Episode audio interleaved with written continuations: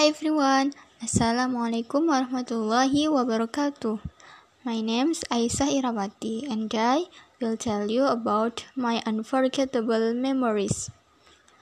That happened three years ago in 2017. My mom and I wanted to buy the tax at tax office.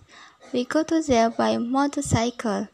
I drove it and my mom was in back seat. At Nusantara Street, there was a truck in front of me with medium speed, and I immediately overtook the truck. But unfortunately, I didn't see a big hole on the road because the motorcycle drove fast.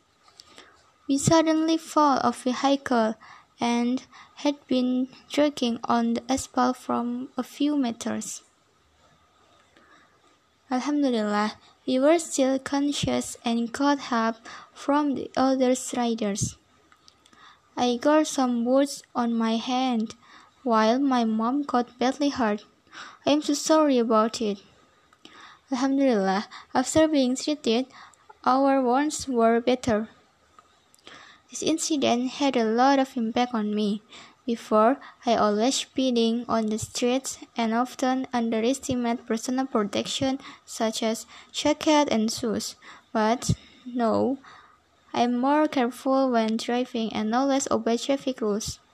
I always wear a helmet, jacket, and shoes to minimize injury when the accident happened. Also, there was a little trauma, but I am thankful that I was still given the opportunity to this day and grow to be a better person. Thank you for listening to my memorable experience and wassalamualaikum warahmatullahi wabarakatuh.